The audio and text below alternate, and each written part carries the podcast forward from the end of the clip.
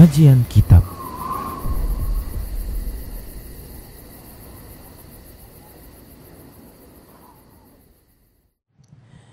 Assalamualaikum warahmatullahi wabarakatuh. Innal hamdalillah nahmaduhu wa nasta'inuhu wa nastaghfiruh.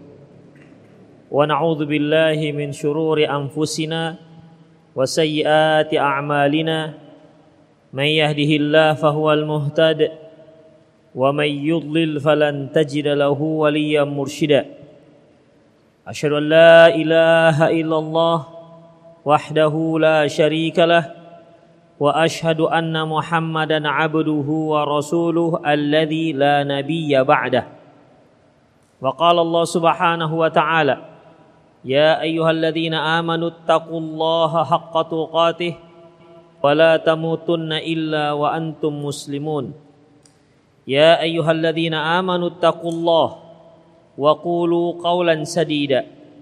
يصلح لكم أعمالكم ويغفر لكم ذنوبكم. ومن يطع الله ورسوله فقد فاز فوزا عظيما. يا أيها الناس اتقوا ربكم الذي خلقكم من نفس واحدة وخلق منها زوجها وبث منهما رجالا كثيرا ونساء واتقوا الله الذي تساءلون به والارحام ان الله كان عليكم رقيبا اما بعد ان اصدق الحديث كتاب الله وخير الهدي هدي محمد صلى الله عليه وسلم وشر الامور محدثاتها وكل محدثه بدعه وكل بدعه ضلاله وكل ضلاله في النار Ma'asyiral muslimin wal muslimat rahimani Allah wa iyyakum. Kita masih membicarakan sikap terhadap pembantu yang disebutkan oleh Imam Al-Bukhari, al-khadim, itu pembantu. Yang lalu kita telah membahas di saat Rasulullah Sallallahu Alaihi Wasallam membawa dua orang hamba sahaya yang satu beliau berikan kepada Ali bin Abi Thalib dan Beliau berwasiat kepada Ali bin Abi Thalib, "La tadribhu, jangan kamu pukul dia." La tadribhu, jangan kamu pukul dia. Fa ini nuhitu an darbi ahli shalah. Karena aku dilarang untuk memukul orang yang sholat. Ini udah. Udah kira-kira? Hah? Udah kan? Kemudian yang satu lagi, seorang lagi diberikan kepada Abu Dhar. Dan Rasulullah mewasiatkan agar dia bersikap baik terhadap si hamba sahaya tersebut. Lantas Abu Dhar memerdekakannya. Karena menurutnya tidak ada sikap yang terbaik untuk seorang yang statusnya hamba sahaya selain daripada memerdekakannya. Hadis berikutnya yang dicantumkan oleh Imam Al-Bukhari rahimahullah an Anasin qala. Dari Anas bin Malik radhiyallahu anhu qala qadiman nabiyyu al-Madinah wa laisa lahu khadim. Ketika Nabi sallallahu alaihi wasallam datang ke Madinah, beliau tidak punya pembantu. Saat Rasulullah sallallahu alaihi wasallam hijrah ke Madinah, saat itu beliau belum ada pembantu. Fa'akhadha Abu Talhah biyadi. Lantas Abu Talhah memegang tanganku. Abu Talhah ini ayah tirinya Anas bin Malik. Atau istri uh, suami emaknya. Emaknya bernama Ummu Sulaim. Ummu Sulaim ini ingat kisahnya yaitu yang dia punya anak punya anak yang sakit dan itu anak kandungnya Abu Tolhah. Di saat Ummu Sulaim menikah dengan Abu Tolhah, dia sudah punya anak. Namanya Anas bin Malik. Namanya Anas. Lantas si Khafiddin setelah itu Ummu Sulaim menikah dengan Abu Tolhah dan punya anak yang masih bayi. Setiap kali datang anak uh, Abu Talha menanyakan bagaimana dengan anaknya yang sedang sakit tersebut. Selalu Ummu Sulaim mengatakan bagus. Hingga akhirnya wafatlah anak itu. Ya, wafatlah anak tersebut. Di saat itulah Ummu Sulaim bertindak untuk menyabarkan Abu Talha. Inilah dia antara Anas bin Malik dengan Abu Talha. Anas bin Malik adalah anak tiri dari Abu Talha anak bawaan dari Ummu Sulaim istri Abu Talha. Fa'akhadha Abu Talha biyadi. Lantas Abu Talha pegang tanganku. Ya kalau bahasa kita dia membawa aku menghadap Nabi sallallahu alaihi wasallam. Fantalaqabi dia bawa aku menghadap Nabi hatta adkhalani ala Nabi sallallahu alaihi wasallam hingga beliau membawaku ke hadapan Nabi sallallahu alaihi wasallam. Faqala dan beliau berkata, maksudnya Abu Talha berkata, "Ya Nabi Allah, wahai Nabi Allah, inna Anasan gulamun kayyisun labibun." Wahai Anas, eh, wahai ya Nabi Allah, si Anas ini seorang anak yang cerdas dan pandai, labib. Si Anas seorang anak yang cerdas dan labib dan pandai. Ikhwah, eh, kalau Kais itu cerdas, orang cerdas ini orang yang punya inisiatif. Ada orang yang cerdas tapi tak punya inisiatif. Kalau belajar dia cerdas, tapi untuk kerja nggak cerdas. Disuruh, baru dia tahu apa yang dikerjakan. Baru dia menjadi cerdas. Kalau masalah menghitung, menghafal, luar biasa tapi tidak bisa bekerja, tidak punya inisiatif. Ini biasanya secerdas-cerdasnya dia tetap menjadi bawahan.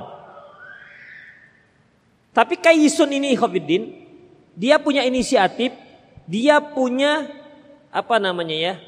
Dia tahu apa yang dia kerjakan. Itulah Kaisun, Labib. Labib ini pandai. Fal fal yakhdimuka falyukhdimaka agar dia bisa memberikan khidmat kepadamu. khidmat bahasa apa? Khidmat itu bahasa Indonesia. Tapi diambil dari bahasa Arab. Dari khadim, khidmat. Hendaklah dia berkhidmat, ya kan? Khidmat itu asal katanya dari bahasa Arab. Falyukhdimaka supaya dia bisa membantu Anda. Kemudian ikhwatiddin qala fa khadimtuhu fi safarin wal fi safari wal hadar. Lantas aku pun berkhidmat menjadi pembantu Rasulullah sallallahu alaihi wasallam baik dalam keadaan safar maupun di saat hadar. Ketika safar dan hadar.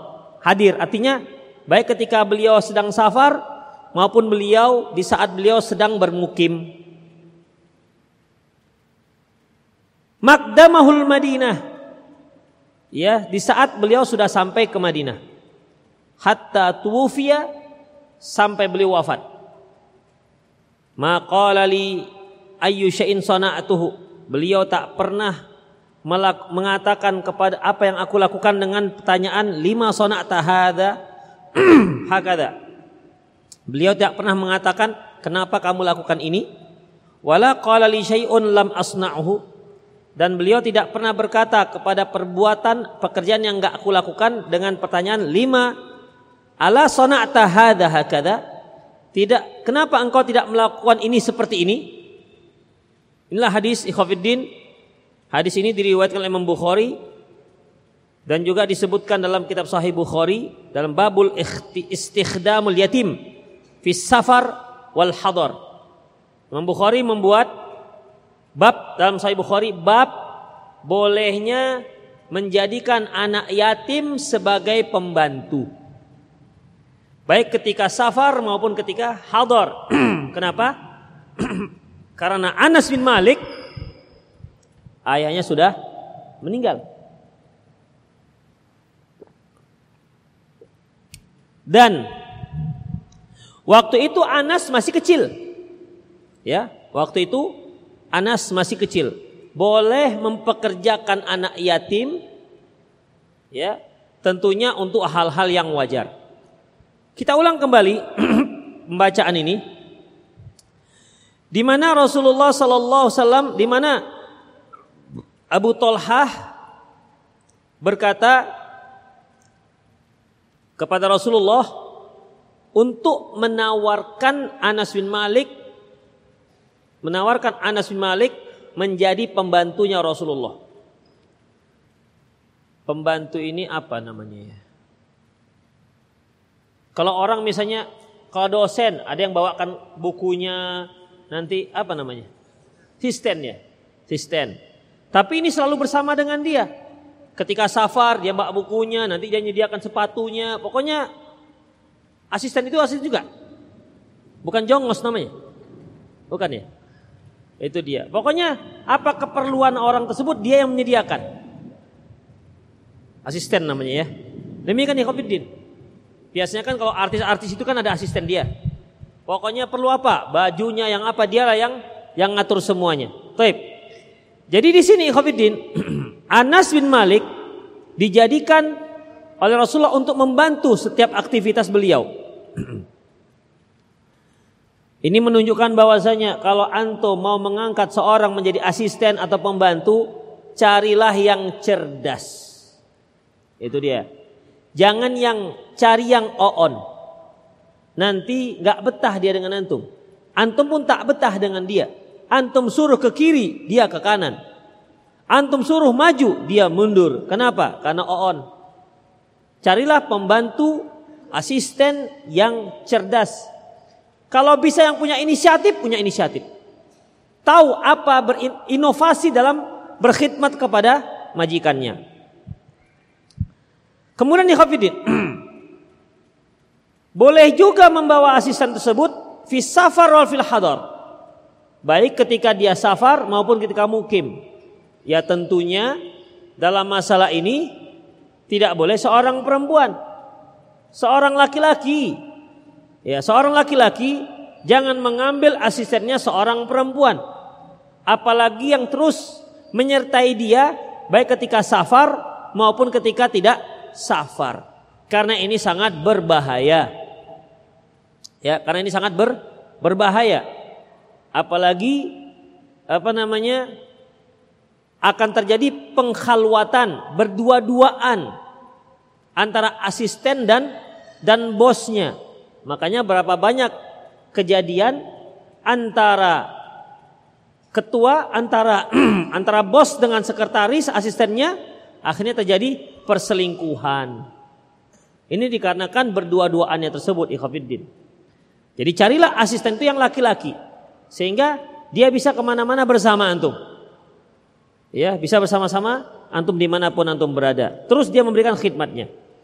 Dan Anas bin Malik berkhidmat kepada beliau sejak beliau datang ke Madinah sampai beliau wafat. Bayangkan berapa tahun tuh? Hmm? Berapa tahun? Rasulullah di Madinah berapa tahun? Hah? 10 tahun. Rasulullah di Madinah 10 tahun. Berarti Anas bin Malik berkhidmat kepada beliau selama 10 tahun. Kemudian dikhafidin rahimani Allah wa iyyakum. Sampai beliau wafat. Ya. Sampai beliau wafat. Dalam hadis ini Ketika Abu Talha mengatakan inna anasan gulamun kaisun. Anas ini anak yang cerdas. Artinya ikhafiddin. Kalau antum punya anak penting untuk dipuji. Ya. Penting untuk dipuji. Itu akan membuat dia meningkatkan gairah dia. Artinya kita berikan apresiasi setiap perbuatan baik yang dia lakukan. Beda halnya dengan orang yang dewasa. Ya. Misalnya antum punya anak usia 4 tahun. Nilai dia, nilai ujiannya 10. Demikian. Apakah perlu dipuji? Hah? Apakah ketika dia mendapat nilai 10 perlu dipuji? Perlu nggak? Hah? Nggak perlu. Karena apa? Karena nilai fullnya 100. Berarti betul satu aja dia. Kalau memang itu nilai fullnya, betul semua misalnya, dapat 10 dia, ikhafidin puji dia. Masya Allah, anak ayah. Wah gitu kan. Masya Allah, mau apa nak? Bilang aja. Kasih apresiasi, kasih dia pujian. Ya kasih dia pujian. Tapi kalau nilainya jeblok, jangan pula. Masya Allah, anak mama ya. Bukan anak ayah lagi. Karena kan biasanya begitu. Kalau kita marah dengan istri mungkin, dek am, coba gendonglah anak kau itu. Lagi marah itu. Tapi kalau lagi nggak marah, anak abang tuh mana dek? Nah begitu kan. Jadi itu biasanya khofiddin. Rahimanallah wa iyyakum. Jadi dalam masalah ini, dalam masalah ini boleh kita memuji si anak. Secara psikologi memang anak tuh perlu dapat pujian. Jangan kita katakan, Ustadz, nanti dia suka dipuji, nggak ikhlas kepada Allah Subhanahu Wa Taala. Masya Allah. Itu bukan urusan anak. Gak apa-apa mereka dapat pujian. Makanya anak-anak itu perlu dipuji, perlu diberi hadiah. Ya, ketika dia sholat, dia mulai sholat, kasih hadiah. Ketika dia mulai puasa, kasih hadiah. Bukankah Muawid Rabi' Rabi' binti Muawid pernah mengatakan, Kunna nusawi musibyanana. Kami mengajarkan, membiasakan anak kami berpuasa. Fanaja'al lahu lu'batan minal ain. Dan kami berikan hadiah kepada, kami buatkan untuk uh, mereka boneka dari bulu. Fa'idha baka an kalau mereka nangis karena lapar puasa, atoinahu kami berikan, ya, kami berikan hadiah tersebut, kami berikan boneka tersebut, boleh. Makanya kalau antum punya anak, kemudian diajarkan dia puasa, boleh antum nego. Nah, puasa ya. Nanti kalau puasa satu hari, nanti bapak kasih sekian. Atau bapak kasih boneka. Nah, itu biasanya nggak tertarik kalau anak-anak sekarang. Kasih boneka nggak tertarik.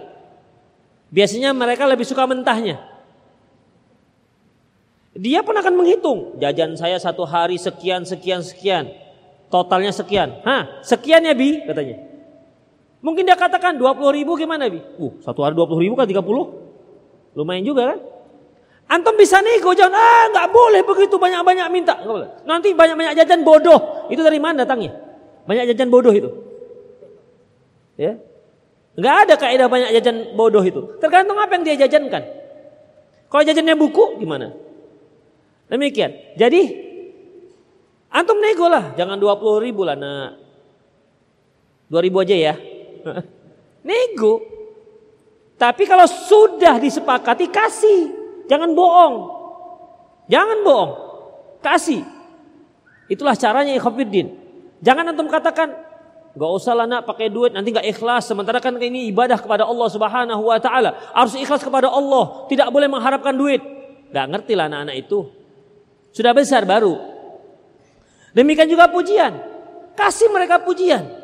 Ketika mereka punya prestasi, ketika mereka sudah selesai menghafal apa hadiskah Qurankah, intinya sesuatu yang apa perkara yang mereka mendapatkan sesuatu yang baik, maka kasih apresiasi, kasih pujian. Misalnya begini, kadang-kadang anak-anak itu bicaranya ada kosakata kosakata yang nggak mengenakkan telinga. Mungkin dia dapat dari mana? Bisa kita dengan cara terkadang kita, jangan ngomong itu ya. Terkadang nggak jalan. Gimana nih? Kalau tidak omongkan kata-kata itu seminggu, nanti dikasih sekian. Boleh Covidin. Ya. Boleh. Jadi membiasakannya seminggu. Nanti tambah lagi dua minggu. Lama-lama memang ditinggalkannya. Ya. Sama dengan puasa. Sehari susah, dua hari udah mulai mudah, terus nanti lama-lama dia nggak teringat lagi itu. Demikian. Jadi sangat penting untuk memuji anak-anak. Ya, sangat penting untuk memuji anak-anak. Bagaimana kalau dia sudah besar? Apakah perlu dipuji? Kalau yang sudah besar, yang dewasa, tergantung. Apabila hal itu akan membuat dia menjadi songong atau songong, ya, membuat dia menjadi apa? Besar kepala, maka tak boleh dipuji. Ini yang kata Rasulullah Sallallahu Alaihi Wasallam dalam hadis yang diriwayatkan oleh Imam Bukhari dari Abi Musa al-Asy'ari radhiyallahu anhu qala sami sami'an nabiyya sallallahu alaihi wasallam sami'an nabiyyu sallallahu alaihi wasallam rajulan yusni ala rajulin yutrihi fil madhati Beliau mendengar seorang laki-laki memuji-muji temannya berlebihan. Memuji-muji temannya berlebihan. Terkadang ikhafiddin, ada murid itu memuji-muji gurunya berlebihan. Masya Allah, Ustadz kami al-allamah, fahamah, bakiatus salaf wal khalaf. Woi, pokoknya semualah dia. Al-muhaddith, al-usuli, al-mufassir. Habislah semua di ilmu untuk dia. Ya. Terlalu dipuji-puji. Ikhwafidin ingat. Si Ustadz juga manusia. Terkadang seorang murid itu memuji gurunya tujuannya yang lain. Guru saya itu cerdas luar biasa. Dia betul-betul mengetahui pakar usul fikih, pakar tafsir. Itu guru saya loh, guru saya itu. Tahu tuh maksudnya? Untuk ngangkat gurunya apa ngangkat dia? Ngangkat dia sebenarnya. Pintar itu. Seperti teman-temannya Nabi Yusuf. Ya kan Zulekho. Apa yang ditampilkan beda, maksudnya beda. Ada yang seperti itu. Ya. Dan adalah guru kami yang merupakan salah seorang kibar para ulama. Maksud dia bukan menyebutkan itu. Tapi maksud dia adalah untuk untuk menang, menaikkan mutunya. Itu ikhafidin rahimani Allah wa iyyakum. Oke, kita lanjutkan. Dan si laki-laki ini memuji temannya dengan kelewatan. Pujiannya kelewatan. Kemudian faqala beliau mengatakan ahlak tahum au qatta'ta au qatta'tum zahra rajul. Eh, kamu sudah membuat, membuat celaka orang ini dan kamu telah mematahkan punggung orang ini. Ternyata nggak dibolehkan. Ya. Ini hadis ini diartikan apabila pujian tersebut berbahaya. Berbahaya untuk orang yang dipuji. Apalagi sampai berlebihan. Seorang kalau selalu dapat pujian, dia nanti dikhawatirkan akan lupa daratan, mungkin lautan juga dia lupa. Karena apa? Tidak ada seorang pun yang mengkritik dia. Karena hari-hari dia mendapatkan pujian, dia belum siap menerima kritikan. Kemudian dari Abi Bakar radhiyallahu anhu anna rajulan dzakara inda Nabi sallam fa'athna alai rajulun khaira bahwasanya seorang laki-laki menyebutkan laki-laki lain dan me menyanjungnya kemudian faqala Nabi SAW waihak sahibik celaka kamu ini kamu telah patahkan leher dia Artinya ikhwafiddin, jangan memuji di depan orang tersebut. Miraron, Rasulullah ulang, ulang, ulang lagi. Kamu telah patahkan leher dia dengan pujian-pujian seperti itu. Tidak dibolehkan. Ingkana ahadukum madihan la mahalata. Kalau seandainya mau nggak mau kalian memang harus memuji dia, falyakul ahsibu kada wa kada menurutku dia itu orangnya baik ya. Ingkara annahu kadzalik kalau memang betul-betul seperti itu wa hasibuhu 'ala Allah wala uzakki 'ala Allah ahadan. Jadi ahsibu kada wa kada ingkana yara annahu kadzalik kalau dia melihat orang tersebut ada kebaikannya. Kalau menurut saya dia insya Allah orang baik. Ah begitu ikhwatiddin insya Allah dia orang baik. Kemudian Adapun yang sebenarnya yang sebenarnya itu Itu Allah yang tahu. Dan aku tidak akan merekomendasi seorang pun di hadapan Allah Subhanahu wa taala. Karena orang yang tahu baik dan tidak baiknya yang hakiki adalah Allah Subhanahu wa taala. Bukan kita. Kita kan seringnya menilai seseorang itu tergantung seberapa besar manfaat kita kepada orang itu. Seberapa besar faedah yang bisa kita ambil dari orang tersebut. Kalau dia sering mentraktir kita makan, baiklah kita katakan. Kalau setiap taklim kita dijemputnya, pulang kita diajak makan, kita pulang ke rumah diantar lagi dalam keadaan kenyang. Bayangkan, kita buka pintu dijemput kawan, pulang dibawa makan. Habis taklim makan pulang. Saya kira nggak akan ada orang mengatakan orang buruk itu. Kenapa? Kita dapat faedah banyak dari dia. Ya, dan faedah banyak. Dan yang namanya manusia itu dia akan menyayangkan, dia akan menyayangi, dia akan menyukai orang yang sering memberi dia hadiah. Yakinlah antum. Ya, yakinlah. Kalau antum punya istri yang susah menyinta, mencintai antum, kasih dia hadiah terus setiap hari. Insya Allah akan luluh lantah hatinya. Hari ini cincin 2 gram, Besok rantai 3 gram. Oh mantap. Tapi bangkrutlah jadinya. Artinya sesuatu yang bisa antum sanggupin. Itu Khafiddin rahimani Allah wa iyyakum. Ya. Jadi seringnya begitu. Sehingga kita tidak mencintai orang itu karena Allah Subhanahu wa taala. Baik. Jadi dalam masalah ini ya, kita hanya bisa mengatakan Sepengetahuan saya dia orang baik, insya Allah begitu. Tapi apakah pasti orang baik? Belum tentu ikhwafiddin. Karena terkadang seorang itu menunjukkan sikap baiknya ketika dia punya niat-niat tertentu. Dia akan menunjukkan performa bagusnya di saat dia punya tujuan tertentu. Mungkin dia ingin apa namanya?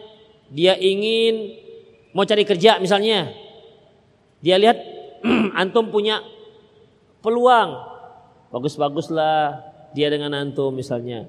Atau antum punya adik perempuan, ketemuan antum tiga kali, sekali sudah macam macam SKSD begitu. Bang apa kabar bang? Masya Allah, abang kok seminggu nggak jumpa bang kok tambah ganteng nih bang. Gitu gitulah. Itu hati-hati. Ya, Demikian ikhwafiddin. Jadi ada sesuatu yang dia inginkan. Ada yang seperti itu. Sehingga ketahuannya setelah tujuannya tercapai ketahuanlah aslinya. Makanya Umar bin Khattab radhiyallahu anhu pernah mengatakan kalau kalian mau tahu gimana asli orang, bersafarlah dengan dia. Karena kalau sudah bersafar, ketahuan aslinya. Tukang tidurnya, gak mau berkhidmat kepada yang lain, maunya diladeni, tidak mau meladeni, ketahuan ikhafid di situ. Situ akan ketahuan. Ya, watak asli akan ketahuan di sana. Begitulah ikhafidin rahimanallahu wa iyyakum. Jadi intinya ya, memuji itu bukan nggak boleh, tapi lihat kondisinya. Kalau dia orang dewasa, maka perhatikan.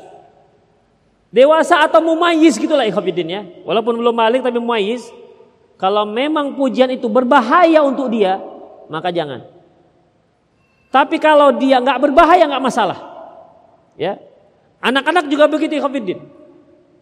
Dalam usia-usia tertentu mereka memang sangat membutuhkan pujian. Sekarang saya tanya pada antum nih, perlu nggak memuji istri? Perlu nggak? Ini juga kondisinya sama. Ya, kalau antum selalu memuji-muji dia sehingga dia menjadi besar kepala, maka nggak dibolehkan. Ya, nggak dibolehkan.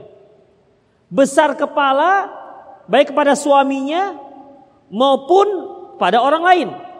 Tapi kalau pujian antum itu bisa membuat dia semakin taat, bisa membuat dia semakin cinta, silahkan. Misalnya nih, antum pulang ke rumah, masya Allah, dandanan istri antum kali ini berbeda dengan yang sebelum-sebelumnya. Maka antum puji dia. Masya Allah deh, kok beda hari ini ya? Kok beda hari ini? Padahal cuaca mendung, tapi kok kamar kita ini terasa cerah. Begitu. Walaupun dalam hati enggak juga kok. Begitu puji dia ikhwatiddin. Karena dia berpenampilan untuk antum. Jangan, alah lenong aja. Jangan. Ha, hilang semangatnya. Itu bedak-bedak dari mana ya Allah? Jangan begitu ikhwatiddin. Uang potong uang belanja ya? Jangan. Ya. Kasih dia apresiasi, kasih dia pujian. Dalam masalah ini bahkan dibolehkan untuk berbohong. Ya, dibolehkan untuk berbohong. Antum melihat, kadang-kadang kan nggak semua istri itu bisa berdandan. Ya, sekali dandan macam pakai topeng dia. Lehernya hitam, wajahnya putih. Nggak cocok bedaknya. Nomor bedaknya nggak cocok. Ya, nomor bedaknya nggak cocok. Terlalu kontras antara leher dengan wajah. Maka antum kasih apresiasi. Kita, cemana bang awak bang? Masya Allah lah pokoknya kok tambah putih ya dek. Ya betul lah. Tiga lapis dempulnya. Jadi bagaimana? Ah, tapi dek, kalau untuk kulit adik ini cocoknya pakai bedak nomor sekian dek supaya sesuaikan. Begitu. Jadi antum juga harus mempelajari bedak bedak istri antum itu. Ya, Jangan mengatakan adik ini cocoknya batu bata ditumbuk.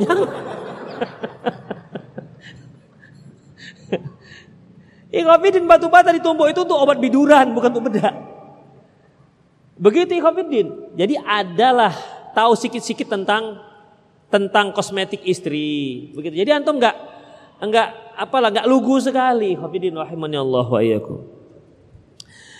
Baik, kemudian ikhwafidin tuhu fis safar. Maka aku pun berkhidmat kepada beliau ketika safar dan ketika hador sampai beliau wafat. Kemudian di Khofiddin, di sini coba kita lihat. 10 tahun Anas bin Malik berkhidmat kepada Nabi, tidak pernah Rasulullah mengatakan ketika aku berbuat sesuatu, nggak pernah beliau katakan, kenapa kok kamu melakukan seperti ini? Kenapa nggak seperti ini? Nggak pernah. Kemudian, atau kalau aku tidak mengerjakan sesuatu, beliau tak pernah bertanya, kenapa kamu nggak mengerjakan ini? Nggak pernah. Itu dia. Jadi beliau selalu memberikan maaf kepada kepada Anas bin Malik radhiyallahu anhu. Ini ada kemungkinan ikhafiddin. Pertama memang Anas bin Malik itu cerdas. Cerdas sehingga dia tahu apa yang harus dia kerjakan. Yang kedua, majikannya Rasulullah. Bayangkan kan? Pembantunya cerdas, tahu yang apa yang harus dia lakukan setiap hari. Sementara majikannya Rasulullah yang selalu memberi maaf, cocok dia. Yang repotnya pembantunya Oon gak ngerti apa yang mau dikerjakan, majikannya tukang maki. Waduh, itu hari-hari merepet, hari-hari ngerepet saja kerjanya. Itu Khofiddin. Makanya dalam masalah ini, ya kalau antum berposisi sebagai majikan, ini sebagaimana yang pernah Rasulullah bersabda, ketika seorang sahabat bertanya, Ya Rasulullah, berapa kali kami memaafkan pembantu kami dalam satu hari? Beliau katakan satu hari 70 kali. Kalau kita pikir-pikir, siapa yang satu hari 70 kali salahnya? Kalau dalam satu hari itu pembantu kita bisa salah lima kali, saya kira sudah kita pecat. Masak nasi gosong, masak air habis, sampai periuknya bolong. Udah nggak ada lagi airnya. Apalagi suruh nasi ikan, ikannya gosong, Nggak ada yang becus. Demikian saya kira jangankan 70, lima kali aja satu hari itu. Maaf ya Mbak ya, sepertinya Mbak nggak cocok di sini. Besok Mbak gak usah hadir karena sepertinya Mbak itu udah capek begitu. Tak akan bisa kita maafkan ikhwatiddin. Padahal Rasulullah SAW mengatakan 70 kali. Saya kira kalau pembantu sekarang diberi maaf 70 kali satu hari, waduh. Besoknya 80 kali dia. Ya. Demikian ikhwatiddin rahimahullah. Itu menunjukkan bahwasanya kita harus senantiasa memberikan maaf kepada pembantu kita dan berikan dia solusi, bantu dia bagaimana cara bekerja yang yang baik. Ikhwah, saya kira itu sajalah untuk hari ini. Banyak lagi hal yang perlu dibicarakan dalam masalah hadis ini. Insya Allah akan kita kaji pada kajian yang akan datang. Kelanjutannya. Qulu qawli hadza wa astaghfirullah li wa muslimin innahu wal ghafur Silakan jika ada yang bertanya. Fadhol. Boleh juga menghubungi 0895 6113 27778. Ada yang langsung? Ya ada yang nulis silakan. Fadhol.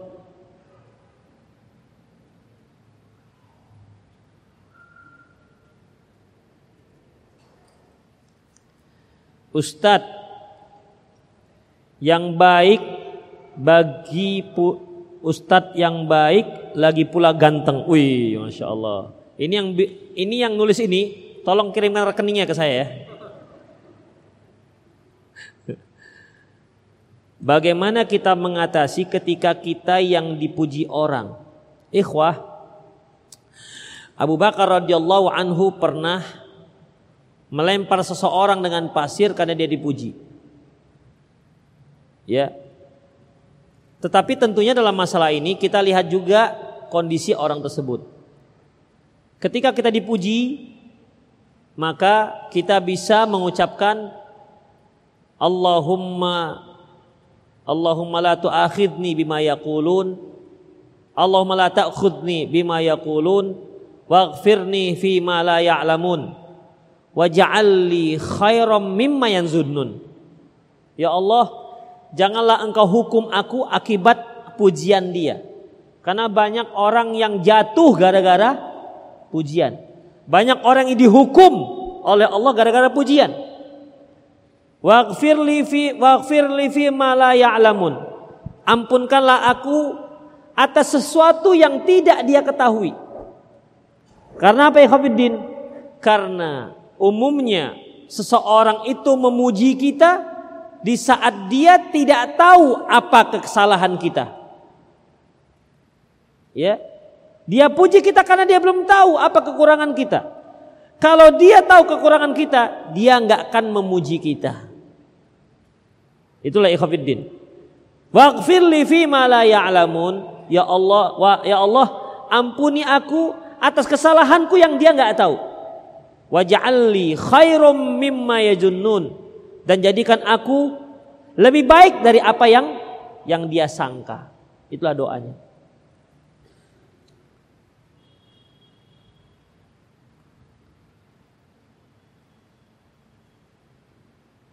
Assalamualaikum Ustaz, apakah menasihati orang yang melakukan kemungkaran diwajibkan bagi setiap orang? Ikhwah, konsepnya hanya tiga. Man ra'a minkum mungkaron falyughayyir biyadih. Barang siapa yang melihat kemungkaran, dia ubah dengan kuasanya. Kita lihat, yang melakukan kemungkaran itu di bawah kuasa kita enggak? Apa ini maksud di bawah kuasa kita? Artinya kehidupan dia itu di bawah tanggung jawab kita apa enggak? Adapun misalnya pegawai kita. Pegawai kita, kita cari pegawai yang tugas dia yaitu untuk bersihkan WC aja. Kita bertanggung jawab pada dia pada gajinya aja. Sementara menyuruh dia, kamu harus begini, kamu harus begini, kita tidak bisa menekan dia. Ya, nggak bisa menekan dia. Karena urusan dia dengan kita hanya membersihkan WC saja. Tetapi kita bisa mengancam. Itu pun ancamnya bisa bisa bisa diterima, bisa tidak.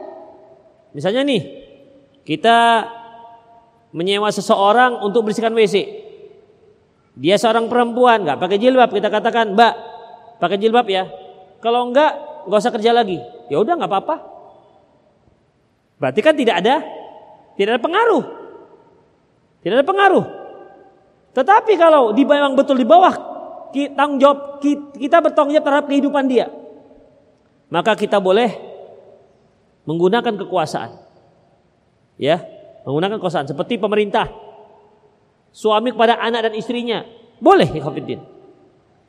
Fa'ilam yastati' kalau nggak sanggup maka dengan lisannya. Dia lihat istri tetangganya nggak pakai jilbab. Maka dia hanya bisa menasihati. Tidak bisa diancam. Mbak, mbak kan tetangga saya. Kalau mbak besok nggak pakai jilbab, maka saya cerai mbak. Ya nggak bisa orang istri tetangga. Tetapi kalau istri kita bisa, ya istri kita bisa. Tapi itu salah satu, bukan harus seperti itu langsung. Dinasihati, begitu ya Ya. Wallati takhafuna nusyudahunna dan wanita-wanita yang kamu khawatirkan kedurhakan mereka, fa'idhuhunna, maka nasihati mereka. Wahjuruhunna fil madaji. Bekot dia. Wa wadribuhunna, boleh kamu pukul. Itu dia konsepnya. Kalau dia di bawah tanggung jawab kita, boleh gunakan kekuasaan kita, kekuatan kita. Kalau tidak, maka kita nasihati dia. Kalau kita nggak bisa menasihati, nggak pandai menasihati, maka fabi qalbih. Fa'ilam nasihati fabi qalbih. Kalau nggak sanggup dengan hatinya. Kenapa? Ngomong dia nggak bisa, berarti dengan hatinya. Bagaimana caranya? Dia menyingkir dari majelis kemungkaran tersebut. Itu konsepnya. Jadi siapa pun antum, dosen, mahasiswa, nggak mahasiswa, murid, anak, orang tua itu hanya tiga. Kuasa, lisan dan hati. Tinggal antum menempatkannya di mana? Di mana posisi antum sekarang? Kalau antum seorang ayah melihat anak nggak sholat, antum punya kuasa. Kalau antum sebagai anak melihat orang tua nggak sholat, gimana? Dengan lisan, nggak bisa antum tinju ayah antum. Bapak kok nggak sholat? Mana bisa? Ya, karena bukan kuasa. Hanya bisa menasihati. Itu dia. Kalau antum dengan teman, sama teman, kan nggak punya kuasa. Ya, jadi bagaimana? Menasihati, membujuk lah dia. Di mana pun antum posisinya, dia tak terlepas dari yang tiga. Punya kuasa, lisan atau hati. Kalau nggak sanggup sama sekali, berarti tinggalkan majelis kemungkaran tersebut. Tinggalkan dia. Jangan tetap di situ. Karena kalau kita tetap di situ, berarti kita sedang ada unsur suka dengan kemungkaran tersebut. Itu dia. Ya. Ana seorang mahasiswa kemarin program studi Ana mengadakan perayaan Hari Natal. Ketua Perhimpunan Mahasiswa Ana Muslim memberikan kata sambutan di acara tersebut. Apakah Ana berusaha jika tidak mengingatkan dia bah bahwa yang dilakukan itu salah? Ingatkan aja. Ya. Ingatkan kalau antum takut kalau diingatkan. Takut aku antum mengingatkan. Jangan antum berada di ada di acara tersebut. Ustadz, boleh tidak seorang akhwat menggunakan obat operasi untuk memperindah salah satu bentuk tubuhnya karena dia akan menikah tapi malu dengan salah satu bentuk tubuhnya yang tidak ideal. Ikhwafiddin rahimani Allah wa iyyakum. Kalau bentuk tubuh yang tidak ideal seperti dia pesek kemudian dirubah menjadi mancung. Ini merupakan perintah dan bisikan setan. Karena setan itu membisikkan kepada seorang wala yughayyirunna khalqallah. Menyuruh untuk merubah ciptaan Allah. Jadi ikhwatiddin dalam masalah ini tak boleh dia lakukan. Ya. Kalau anti mau menikah, Carilah ikhwan yang menerima anti apa adanya. Ya. Misalnya kulit anti itu coklat. Udah.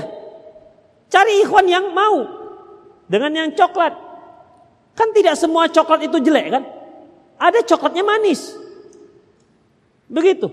Ada ikhwafiddin. Dan tidak semua putih cantik. Ada putih orang nggak suka.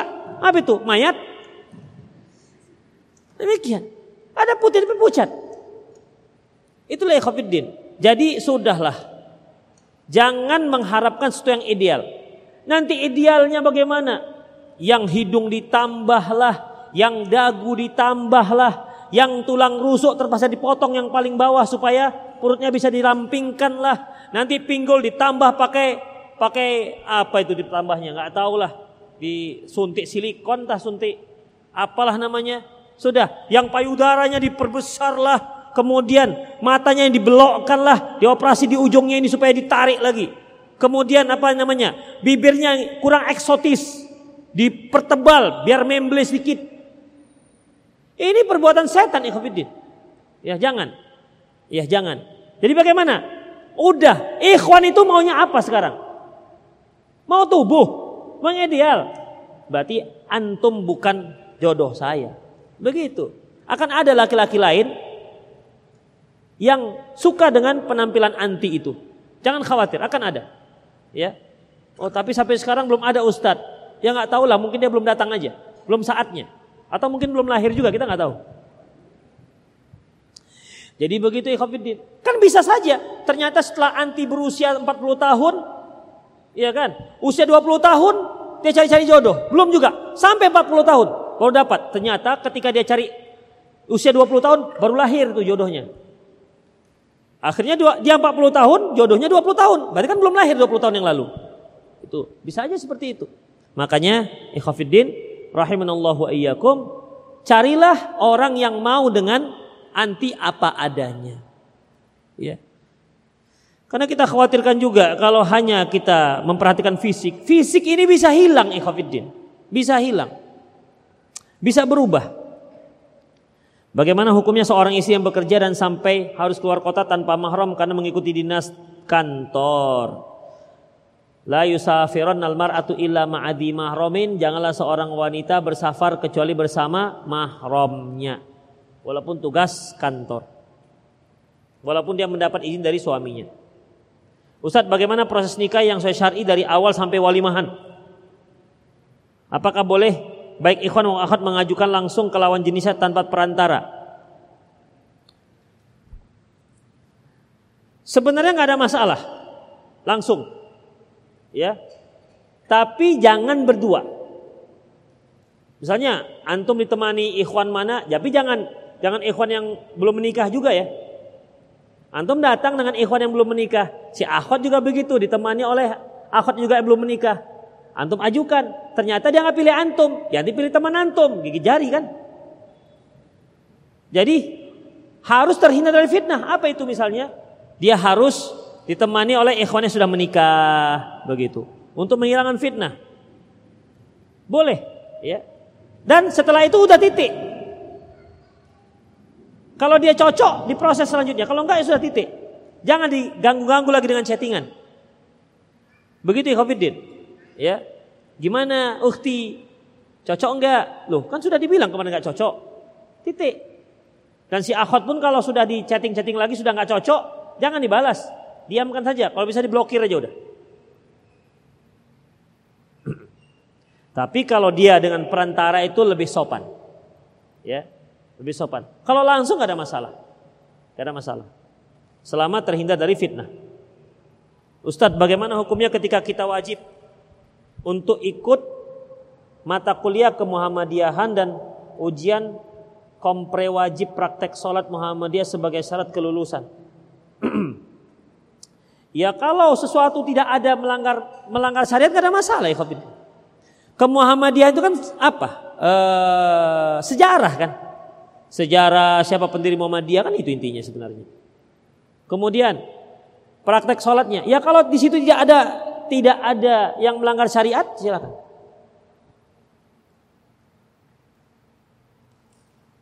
Anda mau nanya, jika kita telat bayar uang pajak kendaraan lalu kita dikenakan denda, apakah denda tersebut masuk? Iya, masuk riba. Termasuk riba. Tapi kan kita nggak bisa menghindar Ustaz. Ya semoga Allah beri maaf. Ya semoga Allah beri maaf. Tapi itu memang riba.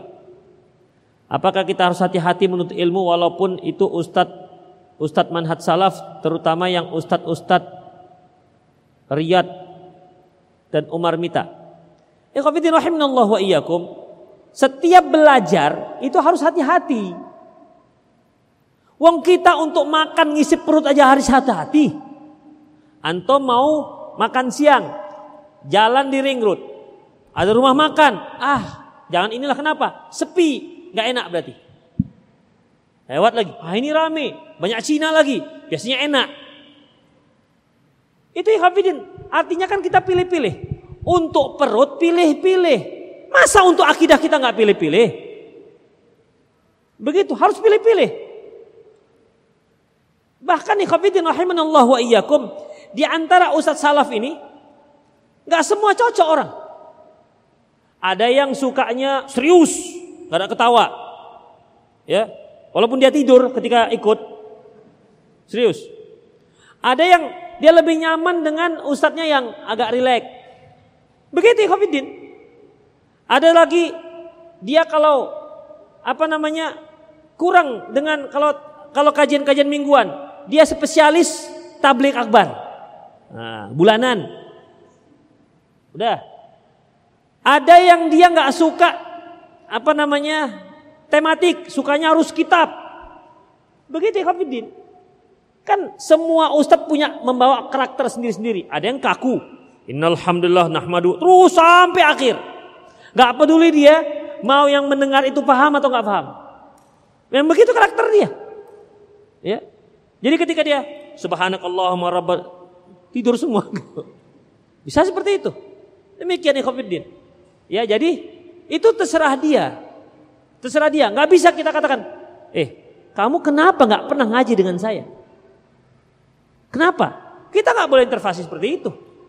Itu di antara ustadz yang yang salah. Kalau dia ragu dengan kita, itu hak dia. Misalnya aku nggak bisa lah ngaji usah Ali Nur tuh ragu aku, itu hak dia. Gak bisa. Ini kau dulu. Kenapa ente ragu dengan saya? Apa yang saya ragukan? Apa yang ragukan dari saya? Apakah orang seperti saya ini perlu diragukan? Eh, mak jangan. Ya. Gak bisa seperti itu, Khofiddin. Ya. Jadi itu hak orang. Dan memang harus pilih-pilih. Ya. Gak boleh kita asal-asal. Jadi keliru kalau ada yang mengatakan ambillah yang baik, buanglah yang buruk. Orang kita nggak tahu mana yang baik, mana yang buruk. Kecuali setelah diajarkan. Iya kan? Ini seperti kisah true story pancake yang pernah saya ceritakan. Kita nggak tahu mana yang baik mana yang buruk. Gimana kita mau pilih-pilih yang baik dan yang buruk? Kenapa kita pilih yang baik? Karena kita tahu sebelumnya ini yang baik. Ya kan? Kenapa kita buang yang buruk? Karena sebelumnya kita punya ilmu, ini buruk. Kalau kita nggak tahu satu permasalahan mana yang baik dan mana yang buruk, Bagaimana kita bisa memisahkan mana yang baik dan mana yang yang buruk? Kacau jadinya. Jadi intinya belajar tetap memang pilih-pilih. Kalau ada yang menyaksikan hati antum, tinggalkan aja.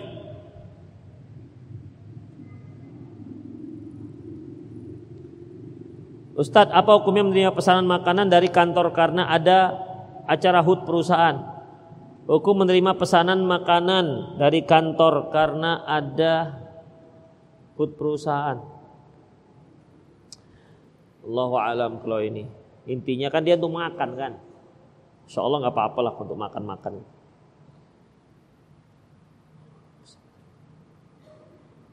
Ustadz minta rekomendasi pesantren buat anak laki-laki yang merasa salaf di Medan. Untuk Medan kita nggak punya pondok pesantren yang ada sekolah. Sekolah SDIT, SMPIT, SMAIT, Ulun Nuha yang terletak di Johor. Pembinanya saya Ustaz Ul Fatah dan Ustaz Abu Isan. Itu di Johor. Adapun pondok pesantren yang ada dekat-dekat Medan, ya pondok pesantren yang dipimpin oleh Ustaz Nurdin yang ada di Binjai. Ataupun di Medan, saya belum tahu selain itu.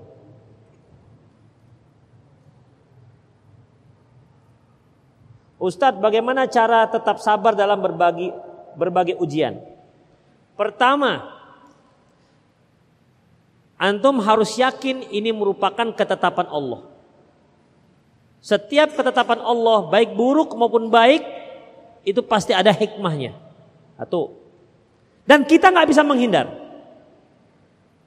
Yang kedua, ketahuilah semua orang tertimpa musibah.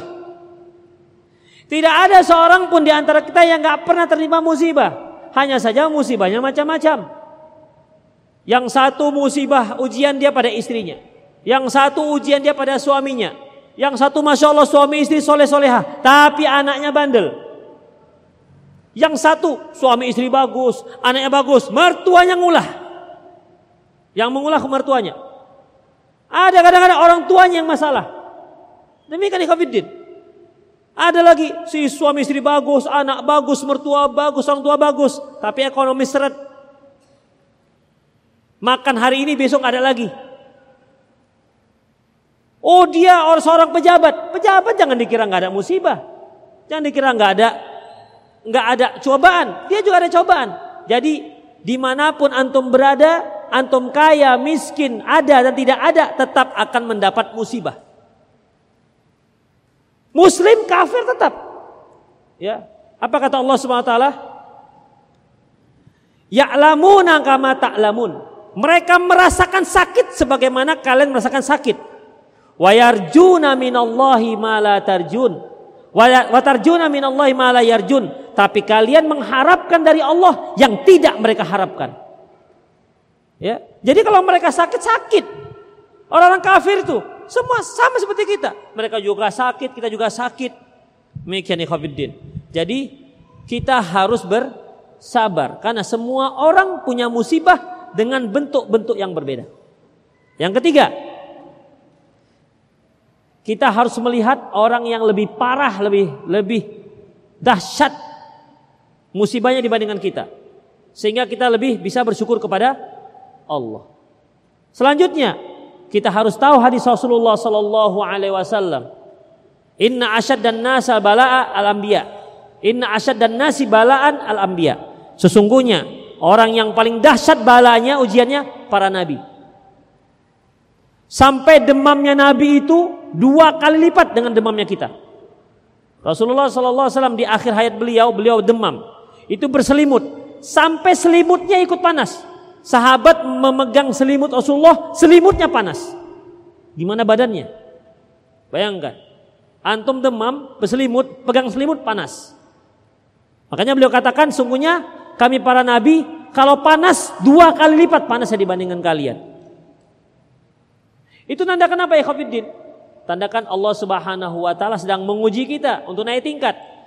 Rasulullah bersabda, "Innallaha idza ahabba qauman ibtalah." Allah itu kalau ingin kalau mencintai suatu kaum, beliau Allah akan mencoba dia, akan menguji dia. In radhiya falahu ridho. Kalau dia ridho, maka Allah akan ridho pada dia.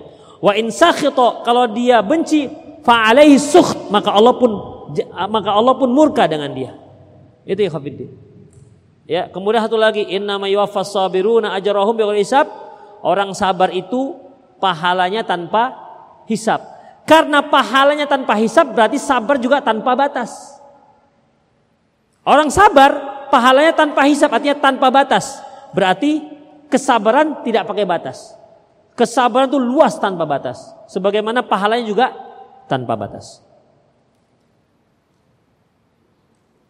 Cukuplah Khafidin sudah jam 6 ya. Semoga Allah Subhanahu wa taala memudahkan semua urusan kita dan insya Allah kita lanjutkan masih hadis yang sama di Sabtu yang akan datang insya Allah. Demikian aku lu qauli hadza wastaghfirullah li wa wa muslimin innahu ghafurur rahim. Subhanakallahumma wa bihamdik asyhadu an la ilaha illa ant astaghfiruka wa atubu. Wa sallallahu ala nabiyina Muhammad wa ala alihi wa ashabihi ajmain. Wa akhir da'wana alhamdulillah rabbil alamin. Assalamualaikum warahmatullahi wabarakatuh.